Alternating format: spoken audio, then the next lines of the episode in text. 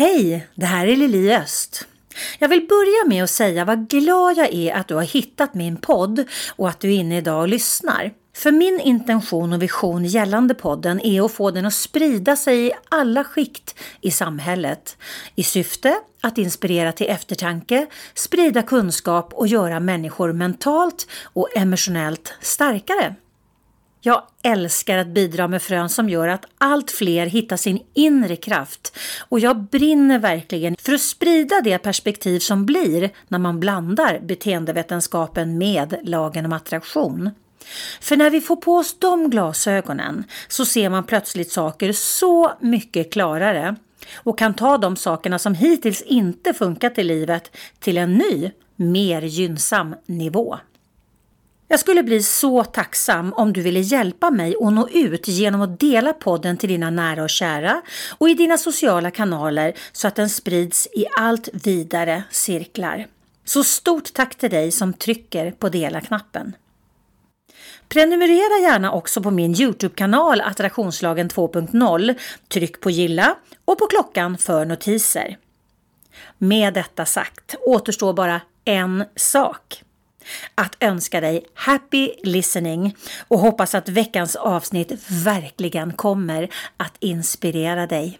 Varmt välkomna till Attraktionslagen 2.0 med Lili Öst.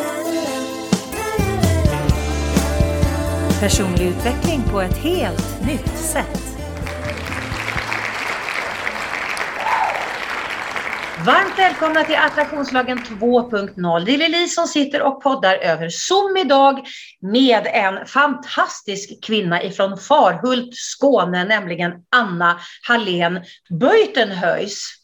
Ja, är det eh, holländskt?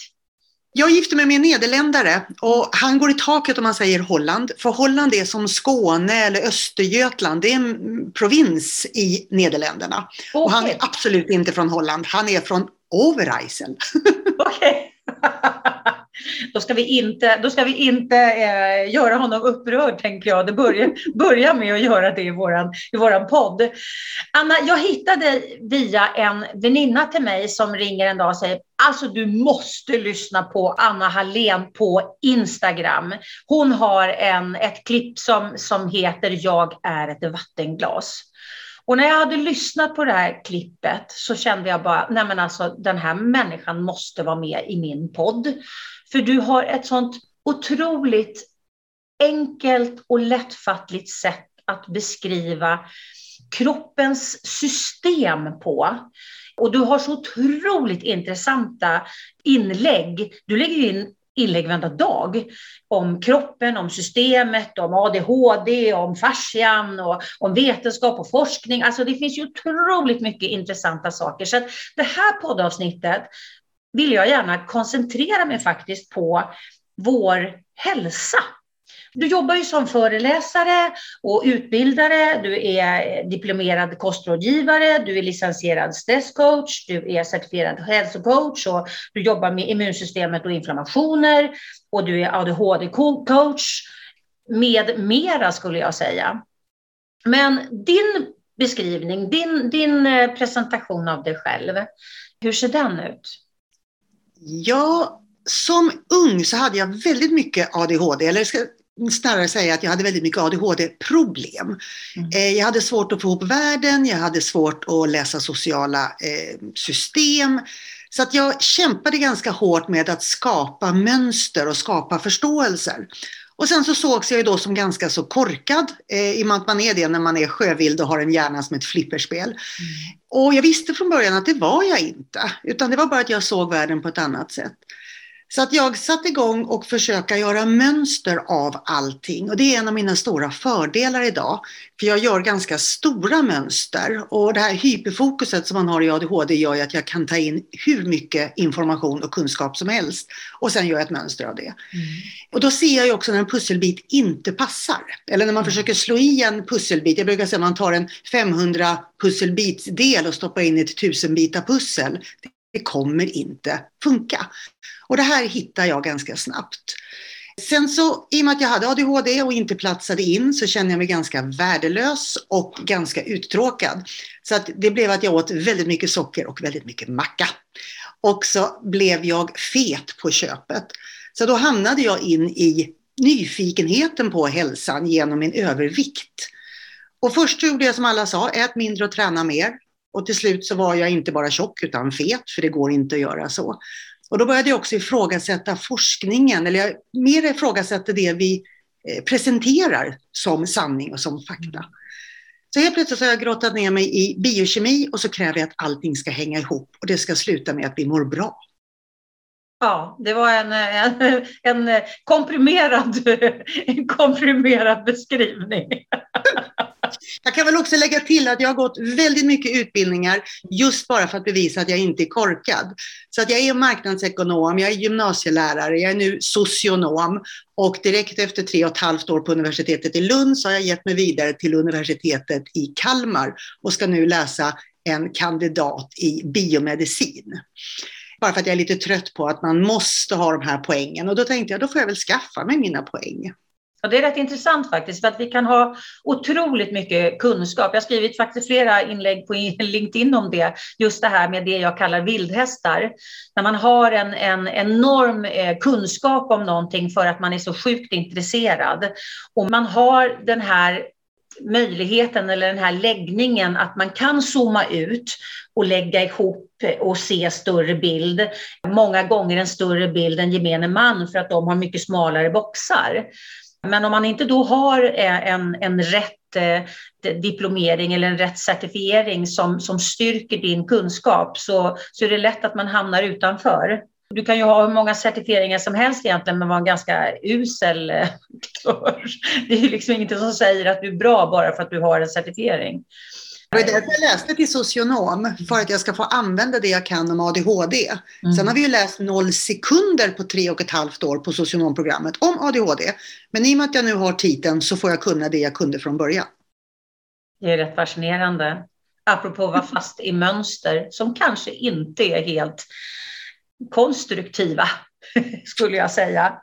Du är också författare, eller hur? Ja. Och din eh, bok, eh, Mina tips för ett eh, hälsosamt liv, ligger på Bokus eller Bokas eh, topplista såg jag. Yes. Jag har skrivit, det är min bok nummer 15. Oj! Eh, ja, så jag har fått chansen nu att samla ihop allting jag kan i en och samma bok. Och det är den här Mina 100 bästa tips för ett hälsosamt liv. Så då har jag äntligen fått samla ihop allting sedan bok nummer ett som kom 2010. Men gud vad roligt. Ja, den här, den här ska jag beställa för att den här tror jag skulle intressera mig väldigt, väldigt mycket. Men du kan vi inte bara gå tillbaka till jag är ett vattenglas. Alltså det var ju där allting startade för mig när jag kontaktade dig.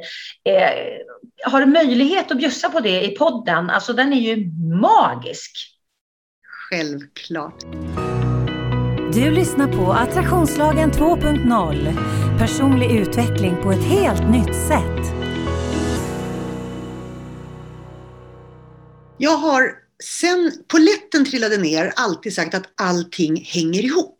Och vi studerar allting i delar. Vi får lära oss kroppen i delar, vi får lära oss kroppen som organ och sen försöker vi sätta ihop de här organen. Och ibland så sätter man ihop dem i lite större mönster, ibland i ganska små mönster. Men nu när fascian har blivit ett organ, 2017 fick ju fascian organstatus och de flesta vet ju knappt vad fascia är. Men då trillade väldigt många mina poletter ner. Och jag förklarar våran kropp som att jag är, eller du är, ett vattenglas. Och så fyller du det här glaset hela vägen upp med vatten. Men i glaset så sätter vi in ett spindelnät som går höger och vänster, upp och ner, fram och tillbaka i olika storlekar. Sen tar vi en deciliter med celler och det mest spännande är det är faktiskt exakt likadana celler med exakt likadant DNA. Så häller vi ner det i vattenglaset och så klumpar de ihop sig på olika ställen i det här nätet. Och det är det som blir våra organ. Och då kommer olika delar av DNA bestämma vad just den här cellen ska göra. Så njurcellerna kommer att trigga igång den delen av DNA som säger jag är en njure och hjärtcellen, jag är ett hjärta och så vidare. Och då har vi nu ett vattenglas med spindelnät där alla celler sitter ihop i klumpar. Men det betyder ju att våra organ är ju egentligen enstaka celler som klumpas ihop av det här spindelnätet. Och spindelnätet är en del av fascian. Och den sitter alltså runt varenda liten cell, men håller ihop allting så att det blir organ. Och sen håller den isär allting så att inte organen flyger och far i din kropp eller krockar med varandra eller byter plats. Så det både håller på plats och håller isär. Men nu har vi liksom ett vattenglas. Hade vi varit ett vattenglas då hade vi wobblat omkring. Så då tar du lite gelatin och i verkligheten är det faktiskt hyaluronsyra. Men vi tar gelatin för det är lättare för vårt öga att se vad som händer. Häller ner i vattenglaset. Nu blir allt vatten till gelé. Och det här är du. Och det här är gelén och nätet kommunicerar. Så att om jag petar mig lite på pannan så har jag petat mig själv på lilltån. Ungefär som att du försöker hälla ner lite saft i ena sidan av glaset. Det tar ju inte mer någon sekund, sen har det spridit sig i hela glaset. Mm. Och så eller sitter vår kropp ihop och så funkar vår kropp. Men det är inte riktigt sant. För om vi nu tar vårt vattenglas och så blir det istället ett kaffefilter, men med allt det här inuti. Men det här kaffefiltret kan hålla gelén kvar, men det kan ju fortfarande läcka ut saker som svett och talg till exempel. Och det kan läcka in saker ifrån krämer, det kan läcka in energi, det kan läcka in eh, nikotinplåster, östrogenplåster, så till och med hormoner kan läcka in genom vår hud, vårt filter. Men det är inte riktigt sant heller, för vi är en ballong. Så nu tar vi all den här geggamojan, all spindelnät och, alla, och stoppar i en ballong. Och är det för mycket vätska i den här ballongen så blir det för hårt tryck och ballongen blir inte speciellt smidig. Och är det för lite, ja, då kan vi börja trycka sönder våra organ. Så att det ska vara lagom mycket vätska. Och drar du sedan ihop de här tre bilderna, glaset, spindelnätet, gelén och alla celler med filtret och med ballongen, så är det du. Det är så genialiskt beskrivet för att man ser ju helt plötsligt på sig själv på ett helt annat sätt. Hur kom du fram liksom till den här beskrivningen? Det gör min hjärna automatiskt, för jag läser ju ganska tung information, jag läser tung forskning mm. och jag följer inga poddar och jag följer inga eh, bloggar. Därför då får jag läsa människors översättning av kunskapen, så jag läser bara kunskapen i sig. Och sen behöver min hjärna, eftersom jag måste göra mönster, förstå. Och jag ser mm. allting i bilder, jag älskar metaforer. Mm. Så att jag behöver aldrig göra dem, utan de, de görs av min snälla ADHD-hjärna. Mm. Jag kan relatera. vi gjorde en utredning på, min, min dotter har ADHD och vi gjorde en utredning på henne sommaren till hon skulle börja gymnasiet. Och när vi gjorde då den här skattningen med 11 miljoner frågor så satt jag liksom bara, oh, check, och check på den och bara check på den. Så jag har aldrig gjort en utredning på mig själv, men jag är ganska säker på att jag har ADHD. Och för mig har det precis varit som dig. Alltså jag har också popcornhjärna. Jag har också jag tar också in väldigt mycket information som jag gör en större bild av. Det är därför man kan se, tänker jag, korrelationer av saker som, som korrelerar som inte folk har snappat upp för att man har 700 andra saker som man lägger ihop samtidigt och då helt plötsligt får man en större bild. Och sen så tänker jag att det här är en, en alltså jag tror jag aldrig skulle ha varit så här driven och eh, varit så här enormt eh, liksom framåtlutad om jag inte hade haft någon liksom, kraft som hjälpte mig. Så jag ser definitivt det här som ett, ett, ett, ett kraft, eh, ett kraftalfabet. Men med sina utmaningar. Det går inte att säga något annat än.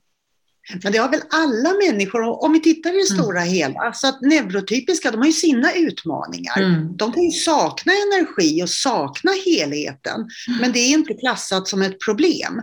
Medan vi med ADHD, vi har någonstans jämförts med neurotypiska och det som skiljer ska vara problematiskt. Mm. Hade vi inte blivit satt i en tråkig miljö, stillasittande och göra tråkiga saker utan syfte, då hade vi inte haft så stora problem. Nej, och där tänker jag, det är lite grann som, som eh, jag brukar se på psykisk ohälsa som ett friskhetstecken. För att det är ju vårat, eh, det är vårat system som säger nej, nej, du går emot din egen själ och eh, eh ditt eget inre. Och ju mer vi går emot vår själ och vårt inre, ju starkare liksom blir rösten som, som då klassas då som psykisk ohälsa. Så att, eh, och, och jag tänker också det här med ADHD, det, vi har ett extra starkt liksom, larmsystem när vi, när vi går emot oss själva för mycket helt enkelt. Och det är klart, lever man i ett samhälle där alla ska vara i en form som någon har kommit på, som inte liksom one size fits någon. det kanske är någon stackare. ja, vi ADHD är som en saltvattenfisk i ett sötvattenakvarium. Ja, den är, den är väldigt, väldigt sann. Men du, du har ju väldigt, väldigt mycket spännande saker på, din, eh, på, din eh, Insta, på ditt Insta-konto. Och någonting som är, jag har ju väldigt, väldigt mycket kvinnor som lyssnar på min podd. Eh, som tur är så har jag även många män som börjar ansluta och det är jätteroligt. För jag pratar ju med människor, inte liksom nödvändigtvis bara med kvinnor, men gärna med och om kvinnor. Och, du pratar ju mycket om, om, om till exempel lymfsystemet och det är ju för att må bra, då behöver vi verkligen ha koll på, på lymfsystemet. Vad händer då? Liksom? Vad, vad, blir, vad blir grejen när lymfsystemet ger upp? På min hemsida liliost.se hittar du massor av matnyttig information både för dig som privatperson såväl som för er som företag.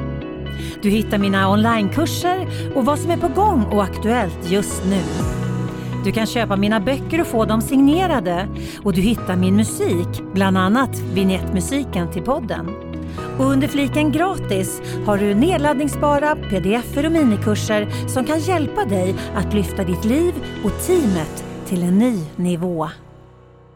Det är också det att vi försöker ju vi försöker hela tiden dela upp våran kropp. Eh, jag håller på att skriva ett extra nytt kapitel nu till en annan bok som heter Lymfan, levern och livet.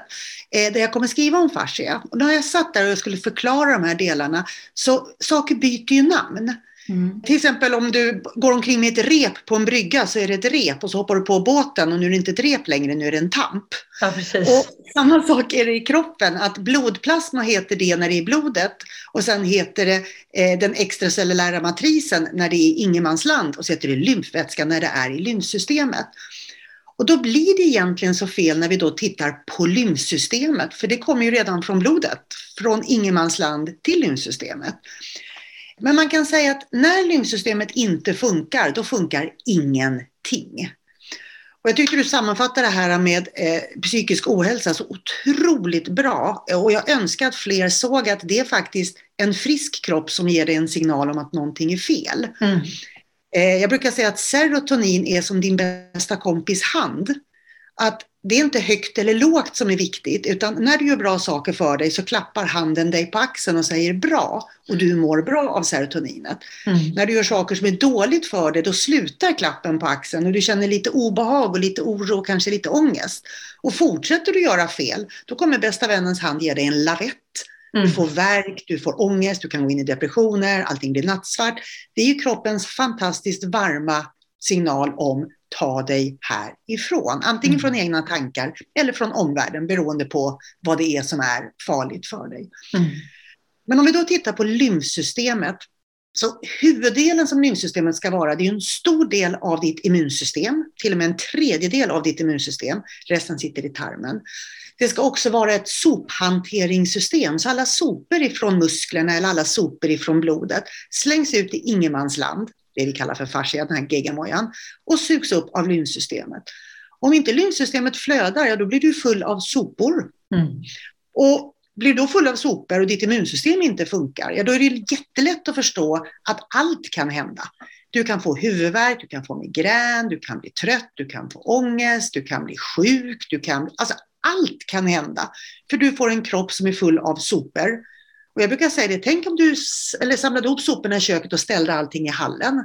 Det hade ju inte tagit mer än en vecka innan miljön i din, ditt hus eller lägenhet var äckligt. Och efter mm. ett år hade det varit katastrof. Mm. Och det är det som händer i vår kropp. Sen var katastrofen syns, det är det som är så jobbigt för att vi har ju lärt oss i västländsk medicin att jaga symptom. Mm. Och för en orsak kan du ha tusen symptom. Och så tror sjukvården att det är tusen olika sjukdomar, men det är en enda grundorsak. Det mesta som folk kan om lymfsystemet är väl att man får celluliter, man blir svullen, man kan få värk utan skada, eh, blåmärken. Vad heter det när man får sådana här blåa ådror på benen? Åderbråck. Eh, åderbråck. Ja. ja. Eh, det är väl de vanligaste delarna, men kalla händer, huvudvärk, trötthet, håglöshet är också ett stopp i, i eller i lymfsystemet. Mm. Och den här, den här svullnaden, eh, jag till exempel, jag, sv jag sväller väldigt, väldigt lätt. Om jag sitter till exempel still länge, då stryper jag ju tillförseln. Alltså i, i höftböjaren så sitter ju vårt största, eh, vår största lymf, eller hur? Och eh, jag märker jätteväl när jag sitter för mycket och jag har verkligen suttit för mycket under hela covid för att eftersom jag inte träffat mina eh, klienter eh, face to face och spelat in jättemycket poddar via Zoom och så vidare. Ja, men då har jag suttit hemma och jobbat hela dagarna och sen så har jag inte kommit ut och man bara liksom, jaha, idag blev det så här 326 steg, det var ju roligt. Och, och det, det känner jag har påverkat jätte jättemycket i min kropp. Dels naturligtvis viktuppgång, men också det här med att det känns som hela systemet står still. Att man liksom blir stel och, och, och det är nästan, alltså kroppen stasar på något vänster. Och det är väl också en sån här när vi, när vi gör lymfsystemet till ett system, för lymfsystemet sitter ihop med fascia. Mm. Eh, och vi tänker att lymfsystemet är nästan ett flöde så som blodsystemet och det är lymfkärlen. Det är ett flöde som inte har någon pump. Mm. Men det är inte det flödet som är det viktiga utan det är flödet i ingenmansland. Det är flödet i vattenglaset, alltså från lillfingret till lilltån till magen till ryggen. Det är hela det flödet och därför är ju stillasittande det absolut bästa sättet att bli sjuk på. Ja, vi behöver röra på oss och vi behöver vrida på oss. Vi har ju tagit bort nästan all vridning. Man öppnar inte dörren själv utan man trycker på handikappknappen istället för att dra i ett handtag. Vi backar inte ens och vänder oss som vi gjorde förut. Då fick vi i alla fall en vridning åt höger. Nu har vi backkamera.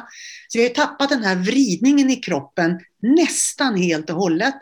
Så det är inte bara höftböjare. Jag, jag har ju både yoga och pilates och jag mm. ser hur många som inte kan sitta på golvet i skräddare.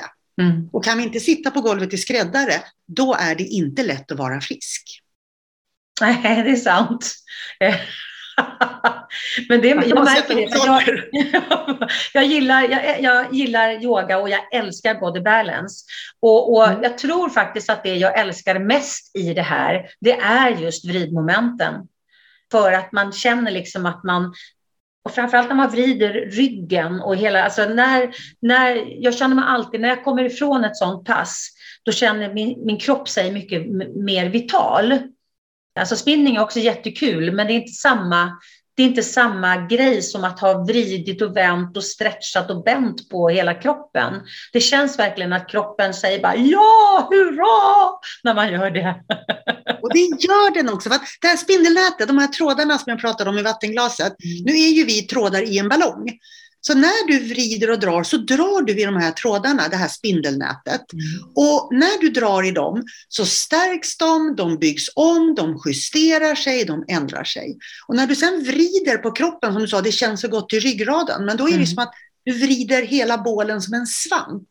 Och just när du vrider så pressar du ur svampen och när du kommer tillbaka så fylls den av den här vätskan igen. Och då har du dragit igång ett magiskt flöde hela vägen ner i lilltån och hela vägen upp i hjärnan.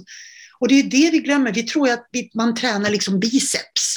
Mm. Men vi vill ju träna hela kroppen och just skapa det här flödet. Och då är mm. vridningarna det absolut bästa och det är gratis. Jag brukar säga att nästan all hälsa är faktiskt gratis. Vi har gjort det för svårt och för dyrt.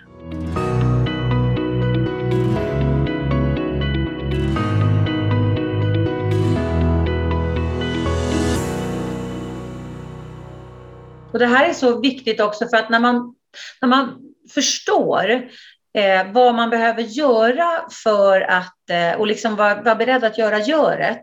Men också, eh, precis som du sa eh, i ett av dina inlägg, att, att det tar väldigt lång tid att bli sjuk.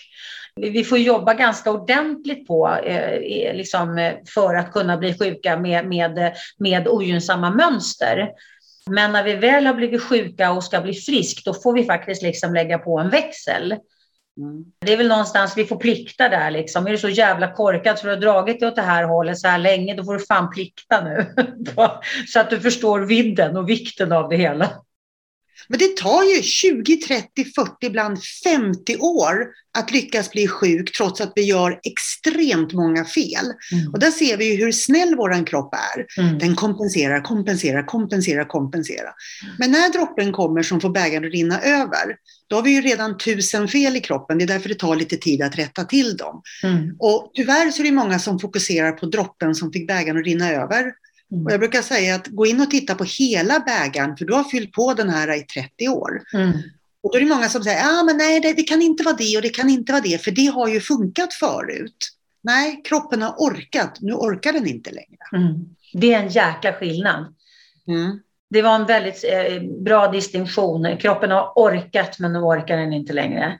Och jag menar, jag tittar, jag jobbar ju som coach sedan 12 år tillbaka. Jag har ju ett artistiskt eh, förflutet, eller jag har inte, inte ett förflutet, det är pågående aktivt också, men, men jag bytte scen från artistscenen till föreläsningsscenen 2010. Men jag utbildade mig till coach 2009 och sen så har jag jobbat som coach, liftcoach sedan dess.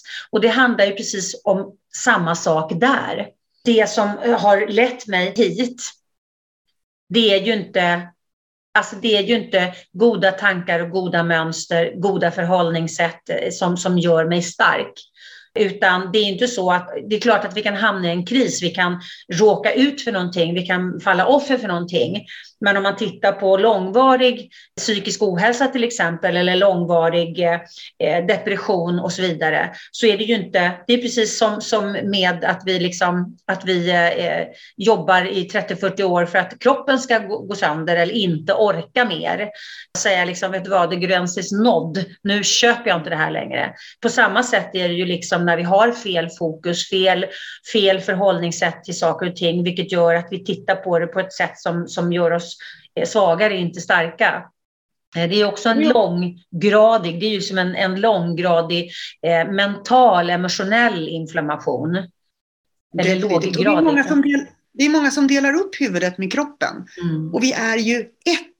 Vi är ju både ett med oss själva och sen ett med allting runt omkring oss. Mm, så den här mm. uppdelningen har gjort att vi har kört vilse. Och vi har ju till och med uppdelningen om du, om du åker till sjukhuset. Då har du en uppdelning, då har du en huvudavdelning och en mental avdelning och du mm. har en hjärntumöravdelning och så har du en fotavdelning och en höftavdelning. Mm. Och så har vi specialister. Mm. Och som jag säger med specialister, de kan ju, kan ju mer och mer och mindre och mindre områden. Ja. Så till slut kan de ju jättemycket om ingenting. Ja, faktiskt. Det blir liksom de här glasrören, det blir liksom sugrörseffekten av det hela, där man inte har en susning av. Jag har ett, ett rykande färskt exempel på detta. Jag var hos en ortoped igår. Jag har nämligen fått, förra året så bröt jag min högra lilltå två gånger på fem veckor. Ja, men det var inte, det var inte så jävla bra. Och fråga mig inte hur 17 gubbar det lyckades, men först fick jag in den under en sån här fotpall som jag aldrig fått in några fötter in under eh, innan. Och sen så efter fem veckor så fick jag in den under soffan som är helt helt, eh, jag fattar ingenting. Men i alla fall, jag bröt den två gånger och den har läkt eh, och det har varit, ja men det, alltså det blir nickel med tår som, som eh, den har läkt lite för högt upp. Och sen så eh, någonting som har hänt nu och jag tänker så här, det här har du säkert någon jättebra idé över. Jag har suttit jättemycket under hela coviden. Eh, helt plötsligt så får jag, och jag älskar att gå, jag älskar att promenera, men helt plötsligt så får jag hälseneinflammation på båda fötterna. Inflammation i slemsäcken på vänsterfoten. Och sen så när jag går hos en hälsenespecialist och får sån här stötvågsbehandling och, och laser, då helt plötsligt så börjar det växa ut någonting under min högra fot, eh, under, liksom bakom lilltån i trampdynan. Och det blir värre och värre och värre och värre och värre och jag kan knappt gå. Jag går som en 89-åring liksom. Och det är ju skitont och det känns som jag går på en sten. Till slut så tog jag mig till en läkare och sa jag måste få en tid till en ortoped för att jag måste se ifall det är någonting som växer ut under foten på mig. Då har jag fått någonting som heter skräddarknuta. Som då betyder att eh, en del av benet liksom bakom lilltån ger sig iväg och det är en slemsäck som är inflammerad. Och Absolut, jag har gått upp i vikt under den här perioden, men samtidigt stillasittande inflammationen som finns uppenbarligen i min kropp, som jag har hållit på med nu typ i fem månader, den ger sig inte i mina hälar. Så går jag till en ortoped igår. Och ja men du vet han är så här, ja men vissa läkare blir man så här när man är, jag orkar inte. Hallå, välkommen till 2021. Du är så här, han var så neggig och så smaltänkande. Och han, alltså, ja, han konstaterade det här. Han visade mig på en, han hade någon sån här äh, snabbröntgen så att jag såg att det var ingenting som växte ut under foten. Men däremot hade liksom eh, benet börjat peta ut eh, som det gör då vid en skräddarknuta som jag då har googlat mig till nu här, vad det är för någonting. Men det enda som fanns att göra, det var att mildra det med inlägg eller operera. Ja, men så här, är det liksom det enda som går att göra? Ja. Och, och operationen, nej, det brukar inte bli speciellt bra. Jag tänkte bara, nej men herregud, människa. Det här går väl för fan inte att nöja sig med. Jag är ju en sån här människa som tänker så här, det går inte att säga så här, nej men det där går inte. Det blir min trigger till att liksom titta på, okej, okay, vad finns det för alternativa vägar? För det var alldeles för smalt för att acceptera. Så jag började mm. naturligtvis googla. Det går att göra jättemycket saker. Bland annat finns det en fantastisk behandling, visserligen dyr, men den finns där man går in och eh, eh, liksom sned, alltså man, den personen som jag läste om som gör det här i Stockholm, han förstod att saker och ting hänger ihop. Den här hänger ihop med att stortån inte fungerar som den ska och när man manipulerar på det här sättet så eh, tar man bort trycket därifrån vilket gör att det kan gå tillbaka. Du vet, man, och jag tänkte bara, men hallå ortopedis, eh, vad fan har du gömt dig under för sten? Och det här är så vanligt för att han var liksom, jag kan det här, jag har kunnat det här så här många år och jag är inte ett skit nyfiken på om det finns ett annat sätt att titta på det här. Hamnar du lätt i negativa tankemönster? Tar du ut oro i förskott?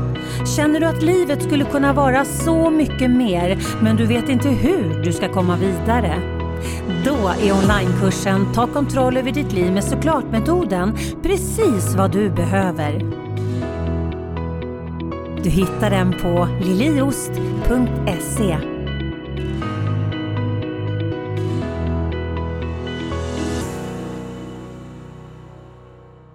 Ett så skulle jag säga, om jag skulle ge dig ett enda råd, stick iväg till en fasciaterapeut först. Mm. För att se vad eh, den personen kan hjälpa dig med. För det som händer är när någonting blir inflammerat i våran kropp så börjar vi att bygga ärr runt omkring för att stabilisera. Och de här ärren kan bli jättestora problem. En annan sak när vi får mycket tryck på ett och samma ställe, till exempel vid ett brott, så går också kroppen in och försöker stärka det stället där vi har brottet. Och då får vi förminskat flöde och då får vi för mycket sopor och då får vi också en inflammation. Men kan man då få igång hela flödet i kroppen så kan kroppen själv läka det här. Ibland har den byggt på för mycket broskbildning eller för mycket så att den faktiskt har byggt någonting som inte går att få bort eller för mycket fibroser. Och då kan det vara i undantagsfall vettigt att såga bort eller klippa bort eller slänga bort. Men mm. så lite som möjligt, för vi stör ju vårt system när vi gör de här delarna. Mm. Men ibland har vi väntat så länge så att kroppen kommer inte på hundra år hinna plocka bort den här brosktillväxten till exempel. Men börja med en fasciaterapeut och sen så behöver man ju då köra lite överkurs med antiinflammatorisk kost som inte finns. Men det är en annan sak. Men det som heter antiinflammatorisk ja. Så att, vi inte, så att vi inte bråkar. Naturligtvis finns det ingenting som är antiinflammatoriskt. För inflammation är kroppens försvar. Och det hade varit katastrof om vi kunde äta saker som tog bort kroppens försvar. Mm. Men den funkar i alla fall, fast på omvägar och bakvägar. Mm. Så antiinflammatorisk kost och en fasciaterapeut hade jag rekommenderat att börja med. Mm. Och sen se hur långt du kan komma där. Och jag har plockat bort gluten också. Bra. Gluten är ett superkänsligt ämne därför att gluten blir nämligen två former av morfin. Glutenexorfin och gliadorfin. Och det gör ju att alla som käkar gluten är lite morfinberoende. Så när man säger ta bort macka och pasta, då blir folk lite aggressiv, ungefär som att gå på någon som röker eller någon som dricker för mycket. Ta inte min macka! Ja, eh, min macka är min livskvalitet. Och då brukar jag säga att är det din livskvalitet, då får vi faktiskt titta på hela ditt liv, för det låter sorgligt. Mm. Men gluten är nog det mest inflammatoriska mm. vi kan stoppa i vår stackars lilla kropp. Mm. Och oavsett hur gott det är. Det är så ohälsosamt för dina hormoner, för ditt immunsystem, inflammationssystem, för din hjärna, för ditt nervsystem. Alltså det är, det är katastrof. Mm. Och där finns det massor med forskning. Den bästa forskningen jag har läst om det här var, det heter Non-Celiacy Gluten Sensitivity. Så inte celiaki, men du är fortfarande känslig mot gluten. Mm. Och det visar sig att nästan 100 procent av jordens befolkning är det. Vi är känsliga mot gluten, men vi har inte celiaki. Men då skriver forskaren på fullaste allvar i abstraktet, men jag rekommenderar inte att ta bort gluten, för det är ju så gott.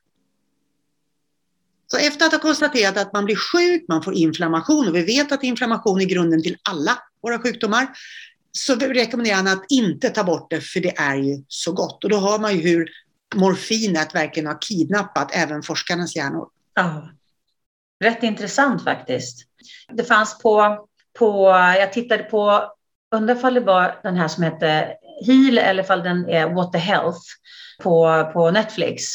Där man ser då på, på eh, Bröstcancerförbundets hemsida som är då Eh, sponsrade av Joplä till exempel. Och, de, alltså, och, och eh, fall det var någon, någon hemsida med, för män med, med prostatacancer. Och där gjorde de reklam för, för eh, kött och, och alltså, man tänker bara, men vänta nu här, och det är ju samma liksom, canceravdelningar, de ger ju bara liksom, de ger socker till sina patienter. Man tänker bara, men hallå, har ni inte fattat någonting? Mm. Jag tycker det är ganska fascinerande. Jag har artros, eh, eller begynnande artros i mina knän, så att jag skulle gå på sån här artrosskola för ett antal år sedan. Och du vet, vi som satt i den här gruppen, vi var alldeles fascinerade. För den här människan sa, nej det går inte att påverka någonting med mat. Och vi bara, men alltså hur tänkte du nu? Det finns väl hur mycket studier som helst och forskning som visar att är det någonting man kan göra så är det väl för 17 gubbar att liksom påverka sin hälsa genom vad du sätter, liksom plockar in i munnen. Eh, och vad, hur du komponerar, vad det blir för kemiska liksom, reaktioner med, med saker och ting tillsammans och så vidare. Alltså jag, jag blir alldeles mörkrädd. Det finns ju hur många läkare som helst och jag gnäller inte på läkare. Jag vill verkligen lyfta det. För skulle, skulle jag vara med om en bilolycka så kommer jag inte köra andningsminuten och en yogatimme. Nej, så att läkare precis. gör magiskt bra saker och akutläkare är mm. nog det mest värdefulla vi har. Mm.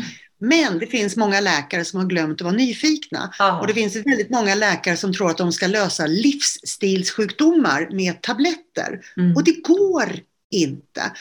Och allt du är allt du tänker, allt du känner, din hud, ditt hår, dina ögonfransar, allt är byggt av maten du äter. Mm. Vattnet du dricker och tankarna du tänker. Mm. Så att om du då äter bara skräpmat, hur ska du få byggstenar till att bygga alla hormoner, alla enzymer, strukturen i din fascia till exempel? Om du inte äter de här sakerna och kroppen inte hinner bygga dem, hur ska man kunna vara frisk? Mm. Och speciellt brosk då eh, är ju väldigt viktigt att ta hand om eftersom det har sån långsam återbyggnadstid. Och då är ju kosten superviktig. Mm. Så att jag blir så irriterad när de då säger att ja, men kosten spelar ingen roll. Och det är nog för att de läser så många år och aldrig läser kost. Och det är också det som jag tittar på med forskning. Vem sponsrar våra universitet? Vem betalar för forskningen? Mm. Vem har lobbyister överallt som håller på och påverkar alla? Jag vet inte bara till och med Livsmedelsverket stod ju under Jordbruksverket förr. De skulle alltså främja försäljning för våra bönder. Vilket gjorde att det var väldigt mycket mjölk och macka. Mm. Jag vet inte om du har sett vad Livsmedelsverket har för logga? Nej, nej, ett knäckebröd, ett runt knäckebröd som man har tagit en tugga av är Livsmedelsverkets logotyp. På fullaste allvar. Sen så blev i alla fall det här ska säga, avslöjat eller diskuterat så då flyttade de och la sig under näringsdepartementet. Då tänkte jag bara woho, näring! För jag tänkte ju korkat och lite naivt och lite blåögt. Men det är ju inte näring som i näringsämnen. Utan, utan det är näring i pengar. pengar. Precis. Ja. Så nu ligger Livsmedelsverket under de som producerar skiten till oss. Ja, follow the money är ju en bra, eh, eh, oftast en, en väldigt bra liksom, riktlinje, om man säger så. Man blir så det, ledsen då bara. ja, och jag menar, det är ju därför, det är därför sådana som, som du behövs. Och även, eh, även jag i det jag gör och alla som, som jobbar, som, liksom, som vågar jobba på ett annorlunda sätt behövs. För att lyfta blicken och lyfta, lyfta eh, medvetenheten om det holistiska perspektivet. För jag, jag tänker också att det finns ju otroligt mycket människor som lever sunt, tränar, ser till att de liksom får, får i sig allt det här som de ska ha. Men de har alltså, giftiga tankar och giftiga förhållningssätt. Ja. Det blir inte heller en frisk människa. För att det kan bara... Ja. Nej, nej, precis. För att det, det påverkar ju. Men det är det som många tror att tankar är någonting fritt flygande mm. och det har inte med oss att göra eller har inte med kroppen att göra eller har inte med njurarna att göra. Mm. Eh, men tankarna sitter ihop med känslor som sitter ihop med hormonsystemet, som sitter mm. ihop med nervsystemet, som sitter ihop med allt som du är i ditt vattenglas. Mm. Mm. Så att man kan ju verkligen tänka sig sjuk. Och det är bara mm. om man inte gillar spindlar eller ormar. Tänk att jag stoppar ner dig i en låda, lägger locket på och du ska ligga där i tre timmar. Mm. Och flera av lyssnarna nu har ju fått halvt panik. Nu är hormonsystemet på, nu är nervsystemet på, nu har mm. magen slutat funka, nu har huden slutat funka, nu har inflammationen ökat. Bara av det jag sa. Så att, att allting hänger ihop och att vi är ett enda stort, jag brukar säga vi är ett, ett stort system av gungbrädor. För det gör det ännu jobbigare. För det är massa saker som ska balansera mot andra saker. Mm. Och alla de här miljoner gungbrädorna är sen satta som ett dominospel. Så pajar jag en gungbräda så kan jag paja hundra andra system. Mm, mm. Och där gäller också det att titta på kroppens balanser. Och då blir man lite ödmjuk. Jag tror inte att vi ska bli spe specialister. Jag tror vi ska backa bak lite och börja göra bra saker, tänka goda tankar, lyfta på blicken, kramas, skratta, umgås, välja bra kost, men vi behöver inte bli fanatiska. Mm. Ta bort så mycket gifter vi kan utan att springa omkring och vara rädda hela tiden. Nej, för rädslan, är ju också, rädslan är ju också en, en akilleshäl. Ja. Och den går på le levern. Ja, och jag ser ju många då som just vill vara så hälsosamma som är rädda för allt. Mm. Man är rädd för strålning, man är rädd för mögel och man är rädd för hit och man är rädd för dit. Man... Ja, fast lägg fokus på allt du kan påverka och sen lev livet för resten av tiden. Mm.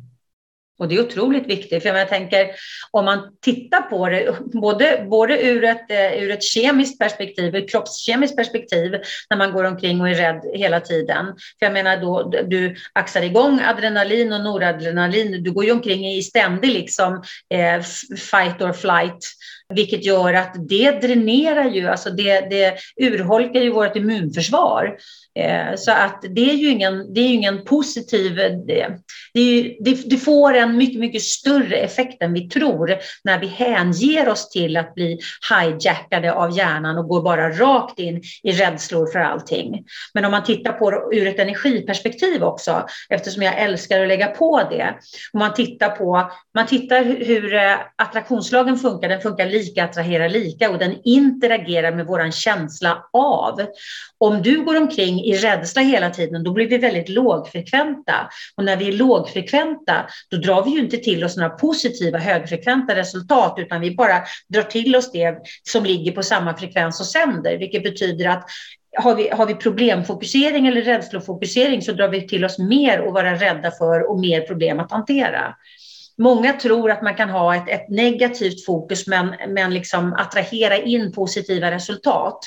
Och det är ungefär som att eh, vilja åka till Göteborg men man sätter sig på tåget till Sundsvall. Det är ungefär lika liksom, eh, görbart.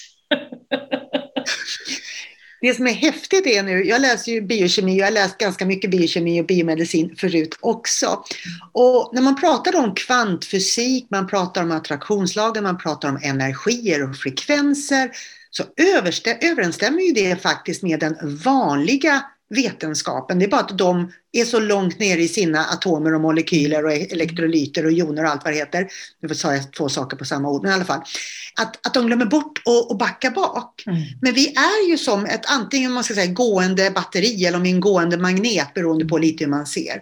För vi pratar om elektrolyter och hur viktigt det är med mineraler och spårämnen. Och de är ju positivt och negativt laddade. Mm. Som åker omkring i en vattenmiljö med salt i som är elektriskt ledande.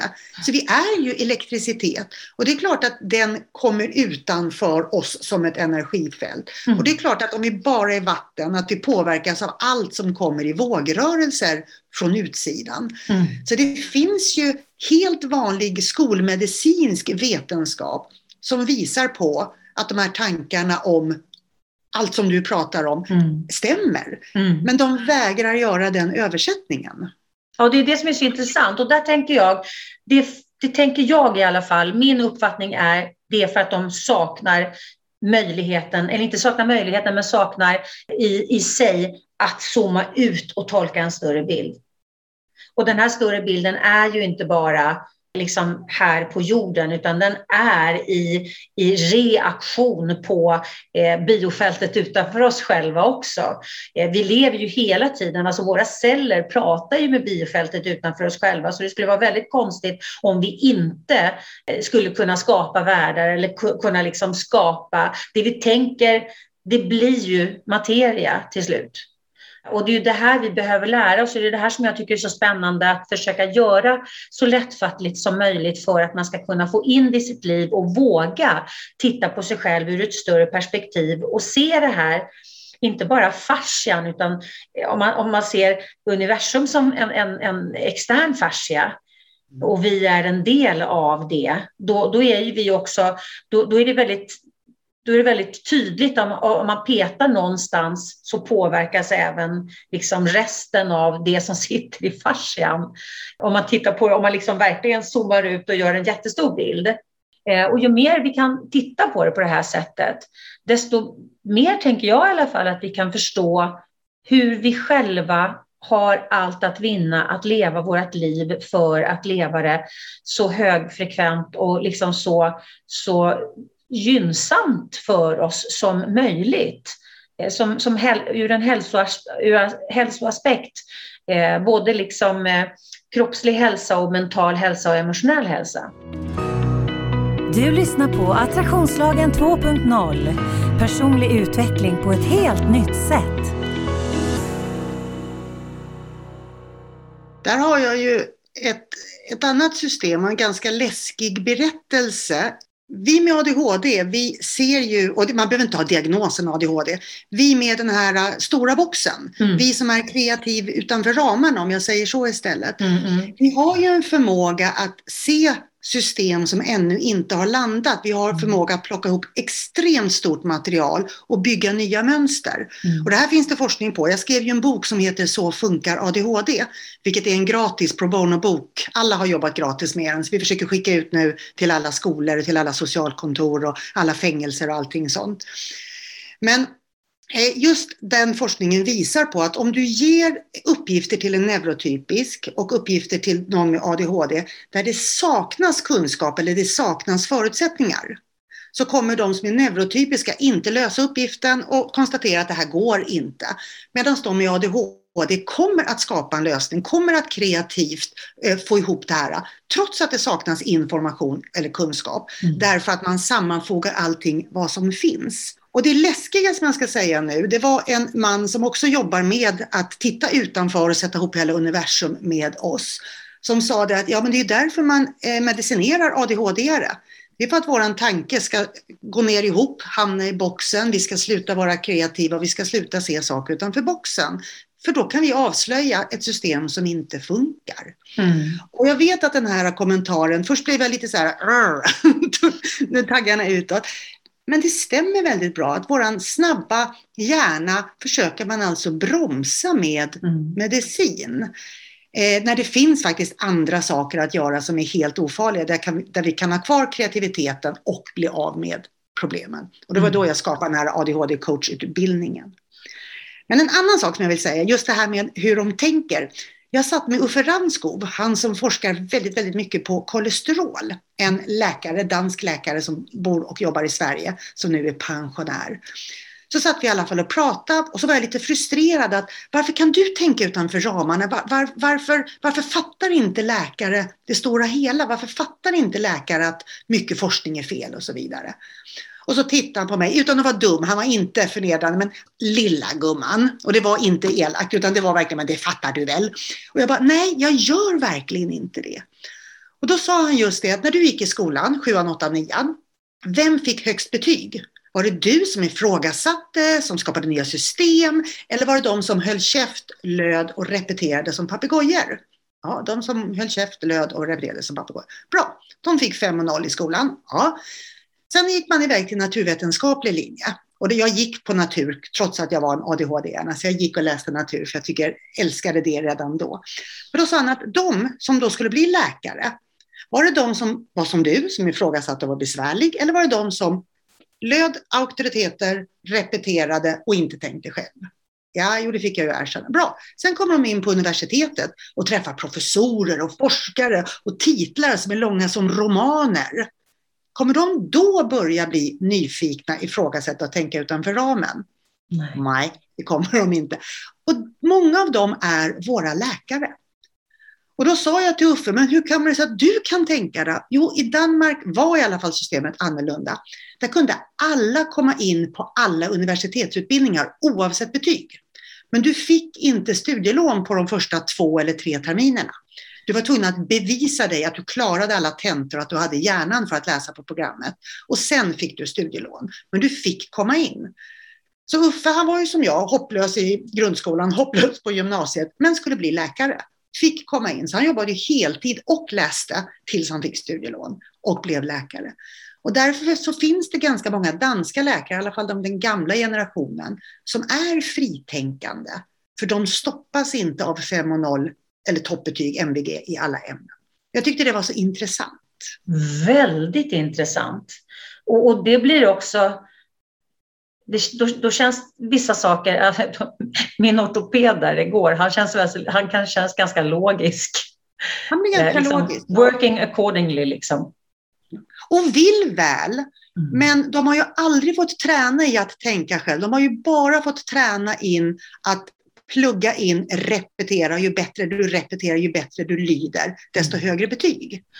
Så de har ju inte träningen och då blir det ju ganska läskigt. Tänk om man kommer på efter 10 år eller 15 år att jag har gjort fel. Jag hjälper egentligen inte mina patienter. Jag har dödat några patienter. Så som vi gör när vi kör glukosdropp på cancerpatienter. Eller vi kör glukosdropp på de som har diabetes. Bara det är ju fascinerande. Insulin i ena armen och glukos i den andra armen på fullaste allvar på sjukhus idag 2021. Så det fattas väldigt mycket eh, helhetskunskap. Man gör mm. mycket fel. Och jag tror att det är jobbigt att erkänna det. Jag är ju superglad, för jag berättade för dig innan vi startade att för 20 år sedan var jag en sån här arrogant eh, besserwisser som följde vetenskapen och jag pratade om alternativt humbug. Och jag är så glad att det inte fanns sociala medier då. Därför att jag var ju en repeterande, rapande papegoja. Eh, margarin var Guds gåva till mänskligheten och bröd var inte farligt och fett dog man av. Och som tur var så vaknade jag 1999. Då trillade min polett ner för jag kom på att det min mun säger är inte sant, det stämmer inte. Och det var då min nyfikenhet kom. Mm. Men tänk om jag hade varit och blivit kändis på den kunskapen. Och sen så gå ut och säga sorry, att ni är sjuka det är mitt fel och att ni är tjocka det är mitt fel och att ni har diabetes är mitt fel och lite autoimmuna sjukdomar, inte meningen. Det gör man ju inte utan man gaddar ihop sig med folk som håller med en tills man äntligen kan gå i pension. Mm. Tyvärr. Mm.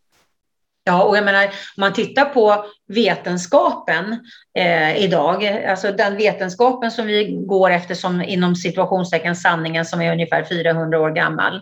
Den är ju ganska, alltså det finns ju så otroligt mycket forskning idag som visar på att, att vissa saker är helt topp tunnor åt fel, gal, alltså helt galna.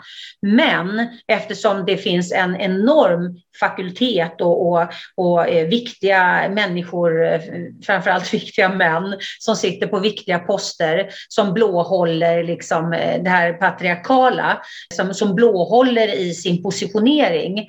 Så därför kommer inte den nya forskningen ut till skolor, den kommer inte ut eh, liksom i, i den, till, till det stora hela för att det är så mycket positionering i, i gammal kunskap. Och vi har ju ett problem också med vårt skolsystem som har blivit så enhetligt. Vi formas ju nu alla i samma form, mm. men vi har inte valt formen. Nej. Så den formen som vi nu formas i är någon annan som har valt. Och bara titta nu, alla ni som lyssnar, på det här med fascian som då har fått organstatus 2017 av vetenskapen. Vilket gör att allting vi kan om kroppen är förstört. Titta nu på hur verkligheten kommer se ut. Hur snabbt byter vi alla skolböcker i grundskolan? Hur snabbt byter vi alla skolböcker på gymnasiet? Mm. Och hur mm. snabbt byter vi alla skolböcker på universitetet? Mm. Jag lovar att det kommer ta minst 20 år. Mm. Så vi kommer att ha en kunskap som vi har haft nu i fyra år, som inte ens finns på universitet om 15 år. Och det är ju lite skrämmande det är mycket skrämmande och det är samma sak nu. De har ju bevisat att Egypten inte alls är bara 5000 år gammalt utan troligtvis 10 000 år gammalt. Och kan ni tänka då vad som händer med all historia? Mm. Om det systemet är så, för då kommer ju människor som har träffat varandra kunna träffa folk som inte fanns då och saker som har satt ihop stämmer inte med den berättelsen som vi har skrivit. Mm. Och det ska också bli spännande att se vad som händer med våra historieböcker. Men jag vet ju att vi gömmer undan sån fakta för att slippa förändra. För det är så mm. pinsamt för de som har varit arroganta eller slagits eller halshuggit andra forskare och så råkar det vara sant. Behöver du hjälp att sortera i ditt liv? Läs mer på liliost.se. Det finns en kille som, som jag följer som heter Greg Braden. Jag vet inte om du vet vem det är? Jättespännande. Jag missade tyvärr allt. det är ingen fara. Han är, han är eh, geolog och sen så eh, är han, eh, han har hållit på med IT väldigt, väldigt många år, men, men framförallt är han geolog och sen så han har fått Templeton Prize och, och han är sån här, han gifter ihop vetenskapen och andligheten åker runt till, eh, ja men det är magiskt, han åker runt till du vet, urbefolkningar uppe i Himalaya och du vet, på gömda platser för att prata med de äldste för att få del av den, den andliga kunskapen med tanke på att de lever så nära naturen och det är så otroligt mycket information och kunskap som vi har tappat på vägen just för att vi har eh, liksom snöat in i, i någonting som är separerat ifrån det stora hela. Och han är så spännande den här människan. Och han pratar mycket om det här med eh, all den här forskningen som göms undan. Eh, delar av Bibeln som har tagits loss för att den visade egentligen hur stor människan var och hur våran potential, hur mycket större våran potential är än det vi har lärt oss i syfte att kuva. Mm. Eh, så att eh, någonstans 2021 nu, det börjar liksom så puttra lite överallt med att liksom avslöja eh, system som faktiskt håller oss nere. Och där är ju också separationen, tänker jag.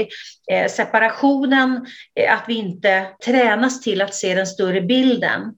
Mm. kan ju också vara ett sätt att hålla oss kuvade för att då kan vi inte zooma ut och fatta någonting djupare som gör att vi ifrågasätter det som är. Nu blev det här en helt annan dialog. det är så, så superspännande för det är, jag har två delar där. Det ena är när man var barn och hade låtsaskompis. Nu hade jag bara en hittepå låtsaskompis, så att min fanns faktiskt inte, vilket gjorde att jag inte tyckte den var speciellt rolig. Men andra barn som har äkta låtsaskompisar som nog inte låtsas, utan de har en äkta energi de pratar med eller leker mm, med och så mm. vidare. Och de vet ju att det är stor skillnad. Jag vet ju att min var hittepå, för den var mm. inget kul, för det var jag. Men de andra, och så får man reda på av sina föräldrar att du ljuger, du hittar på, det är inte sanning. Du ska alltså sluta tro på din egen verklighet, du ska sluta tro på din egen upplevelse. Mm. Så redan där kuvas vi ju in i den här boxen. Du är löjlig, det är fantasier, sluta. Istället för att spännande utforska den här delen. Vad är det för någonting? Och oavsett vad det är eller inte, låt det finnas, den här acceptansen. Men vi ska alltid ta bort allting som inte passar in i den nya vetenskapliga ramen i väst. Och det vi inte ser, det finns inte. Jag såg världens underbaraste film med Judy Foster, jag kommer inte ihåg vad han heter. Men då är hon vetenskapsman och hennes pojkvän är präst tror jag. Och hon är så frustrerad på att han pratar om Gud och du, kan du bevisa och så vidare. Så tittar han på henne och så säger han det att älskar du mig? Ja, bevisa det. och, den, och när jag såg den filmen då var jag fortfarande lite mer skeptisk och jag bara kände den fick mig. Det går mm. inte att bevisa kärlek och vi vet alla att det finns. Mm. Vi ser den inte eh, heller. Vi ser inte tankar, vi ser inte känslor. Vi ser ju acts of love och acts of hate och så vidare, men vi ser inte, oj, där kommer lite känsla. Alltså det är inte sådana så små guldfiskar liksom som simmar förbi. Men det betyder ju inte att det inte finns, det betyder bara att det är utanför vår perception. Precis. Och den är ju den som vi som små barn fick så stängd, för många var ju mycket, mycket mera öppna. Jag gjorde min C-uppsats nu när jag eh, gick ut som socionom på ämnet ADHD och hur media framställer ADHD. Och då man, måste man göra en kunskapsgenomgång eller en forskningsgenomgång. Och då visar det sig att våra behandlingsformer och vår syn på ADHD i Sverige inte har ett vetenskapligt underlag. Och alla tror att det har ett vetenskapligt underlag och de här testerna som man gör, DSM-5-testerna, eh, de är betalda av läkemedelsindustrin i USA om man följer leden bakåt. Och till min stora förtvivlan, den här eh, föreningen Attention, som då jobbar för människor med NPF, är sponsrade av industrin. Och då vet jag att mitt hjärta nästan gick sönder när den insikten kom. Men, då handlar det ju bara egentligen om att leda till, till att man ska medicinera. Ja. Och det, är det var det, det första. Det ja. Det var det första vi fick eh, tipset om när, när vi eh, gjorde utredningen på, på Nathalie. Och jag var extremt emot det. Sen testade hon, men hon reagerade så otroligt negativt på dem så att hon, hon har istället som tack och lov, klok unge liksom, eh, faktiskt valt att utveckla sig själv istället. Men nu har hon ju en mamma som är coach, så vi har ju mycket viktiga samtal naturligtvis. Men, men, eh, men hon, hon har lärt sig att hantera det hon behöver hantera och sen kan hon liksom använda sig av den, den tillförseln det ger istället för att liksom trubbas av med, med men hon, blev, hon har aldrig varit utåtagerad i hela sitt liv. Hon blev det av ADHD-medicinen. Så hon avbröt faktiskt ganska snabbt. Jag ska skicka henne mina två böcker, Energibarn och eh, Så funkar ADHD, så kanske hon kan få massa nya idéer om hur man kan göra istället. Åh gud vad en annan sak, en annan sak som jag gjorde eller hittade då när jag gjorde min C-uppsats, jag lärde mig så otroligt mycket. Det var en författare som heter Lind i efternamn som faktiskt tillhörde universitetsböckerna. Eh, för det fanns en hel del bra text i dem också, även om det var väldigt in i boxen. Men han skrev om forskningen, det finns finns ingen forskning som visar på helhet. Det är nämligen mm. förbjudet och det är låg evidensgrad, så det finns inte. Så allting vi forskar på är pusselbitar. Vi kan alltså bara forska på detaljer en i taget. Och vad är då vetenskap? Jo, det är några gubbar, mest män, hur hemskt den låter, som bestämmer vilken ram ska vi ha på pusslet. Alltså vilka pusselbitar får vara med och vilka pusselbitar får inte vara med. Så det finns alltså forskning på massa saker men som inte får vara med i pusslet. Och sen så vilken pusselbit sätter vi i mitten? Vilken ska få ange fokus och helheten? Och om det saknas en pusselbit i det här skapta pusslet, den skapta verkligheten, så har industrin pengar att designa egna pusselbitar för att göra den bild som de önskar. Och det här var också lite läskigt för mig, för jag jobbar ju bara med vetenskap, men jag använder ju väldigt mycket pusselbitar utanför ramen. Och i och med att jag är en sån här alternativ humbuggare mm. så behöver jag ju ha vetenskap på allt jag säger. Och det har jag. Jag har underlag på allt jag säger, även på kvantfysikens delar. Mm.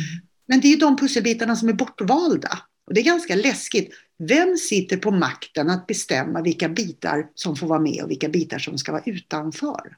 Men du vet Anna, jag får ont i min kropp när du säger så här nu. Jag får verkligen ont i kroppen.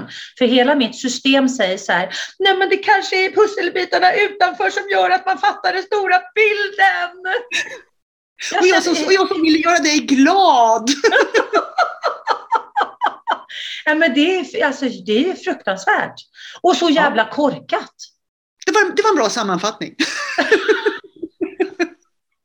Ja, men det, är, det är ju frustrerande för att när man, när, om du säger en lögn som alla säger, då accepterar alla den. Mm. Men om du säger en sanning som krockar med den allmänna uppfattningen, då ska du alltid visa forskning på det. Och när du sen visar forskning så vill de inte läsa och vill inte se i alla fall. Nej. Utan man behåller lögnen, för det är så jag alltid har lärt mig. Mm. Så att öronen är inte riktigt öppna, det finns ingen nyfikenhet. Och jag har också fått höra det, men Anna, du förstör min världsbild. Så cynisk kan världen inte vara. Och jag brukar rekommendera alla att titta på den här gamla filmen med Matrix. Kommer du ihåg mm. den? Med det eller röda och blå pillret. Mm. Jag älskade den filmen när den kom, för jag tycker om science fiction, jag tycker om den genren på filmer. Men jag tittade om på den bara för ett år sedan. Jag tittade på den för några månader sedan.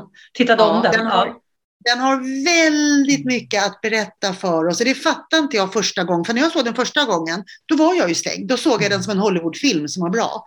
Nu såg jag budskapet bakom och alla borde se den med någon som är öppen bredvid sig i soffan. Mm. Ja, det öppnar ju upp en, en eh, liksom möjlighet till dialog som går lite utanför boxen, det kan man ju säga. Helt klart. Gud, vi, var här, var, vi drog iväg i ett och, fantastiskt håll här helt plötsligt. Och gud, Anna, jag ser här, tiden går så himla fort när man pratar om spännande saker. Men alltså, vi skulle kunna sitta och prata eh, typ hur länge som helst till, för det finns ju så vansinnigt mycket spännande saker att prata med dig om. Men, men för er som, som lyssnar nu som tycker att Anna är en otroligt intressant person som jag definitivt tycker, så gå in på hennes Insta, Anna Hallen Insta. Ja, alla Anna Hallen Insta. För du har ju så mycket bra förklaringar, du lyfter så mycket bra frågor om vårt system, om oss själva, om tankar, om eh, fascia och ADHD och vetenskap och you name it. I stort och smått verkligen. Jätteintressant eh, sida att följa, tycker jag. Och sen så har du en hemsida naturligtvis, för du, du jobbar både med privatpersoner och företag. Eh, jag jobbar faktiskt mest just nu med att utbilda människor i det här för att jag hinner inte ta hand om eh, alla klienter. Nej. Så att jag utbildar stresscoacher, ADHD-coacher, hälsocoacher och kostrådgivare. Eh, utbildar också immunsystemet, inflammation och lymfsystemet. Så att så många människor som möjligt ska kunna hjälpa så många människor som möjligt. Så att just nu är jag faktiskt fullbokad. Mm. Men, men däremot så har jag ju kurser och sånt på genom Zoom. Eh, jag ska ha en kurs nu i hur man tänker i ACT och så ska jag ha en kurs i eh, hur man håller sig frisk som baseras på min bok då, Mina hundra bästa eh, tips för ett hälsosamt liv. Jag hade Åsa Ginder här för några veckor sedan i podden och hon, hon är ju också utbildad inom ACT. Men, men du har någonting som heter ACT ALP. Vad är det för någonting? Ja, eh, jag, jag, min bakgrund, att jag vaknade för allting, det var ju för att jag var tjock och jag bantade i 20 år och blev bara fetare och fetare och fetare. Mm. För jag trodde att man kunde banta sig smal. Sen lärde jag mig att man kan äta sig smal, så det gjorde jag 1999-2000 och jag höll den här vikten i 16-17 år. Och sen efter det så gick mitt lymfsystem åt skogen för jag amalgamsanerade på ett sätt som man inte ska göra, så jag får helt skylla mig själv. Men då skapade jag ALP, alltså en kost som är som en rotationskost av stenålderskost. Så det är egentligen inget konstigt.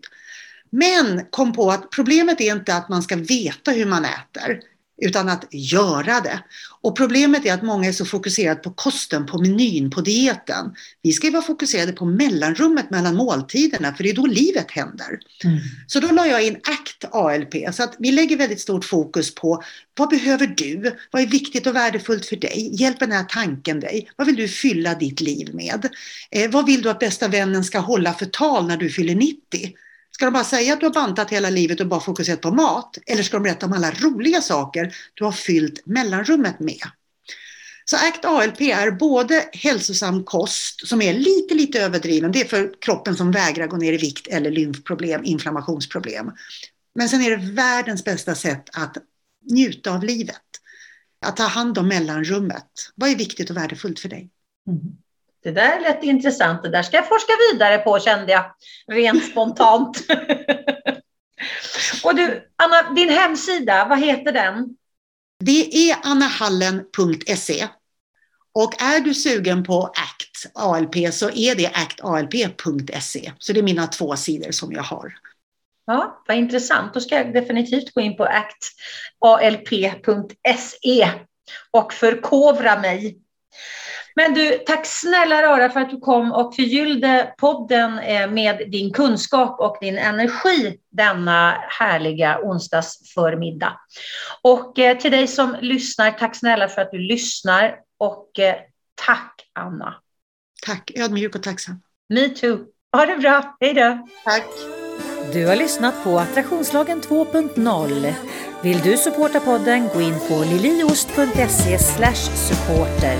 Och tycker du att det vi pratar om här i podden är viktigt, dela gärna i dina kanaler. Tänk efter lite grann. Hur har du det omkring dig nu? Är du nöjd? Är du nöjd med det du har? Var är du i ditt liv? Har du funderat på att ta ett annorlunda kliv? Känner du som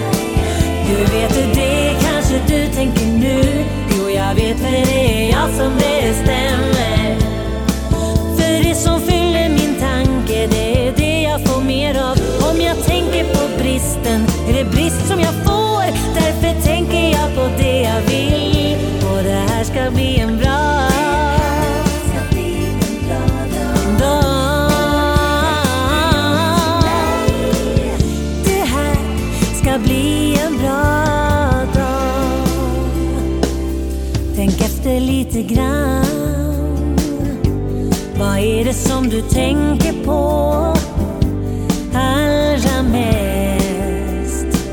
Det du har eller inte har. Vem är du i ditt liv? Och har du tagit rodret eller driver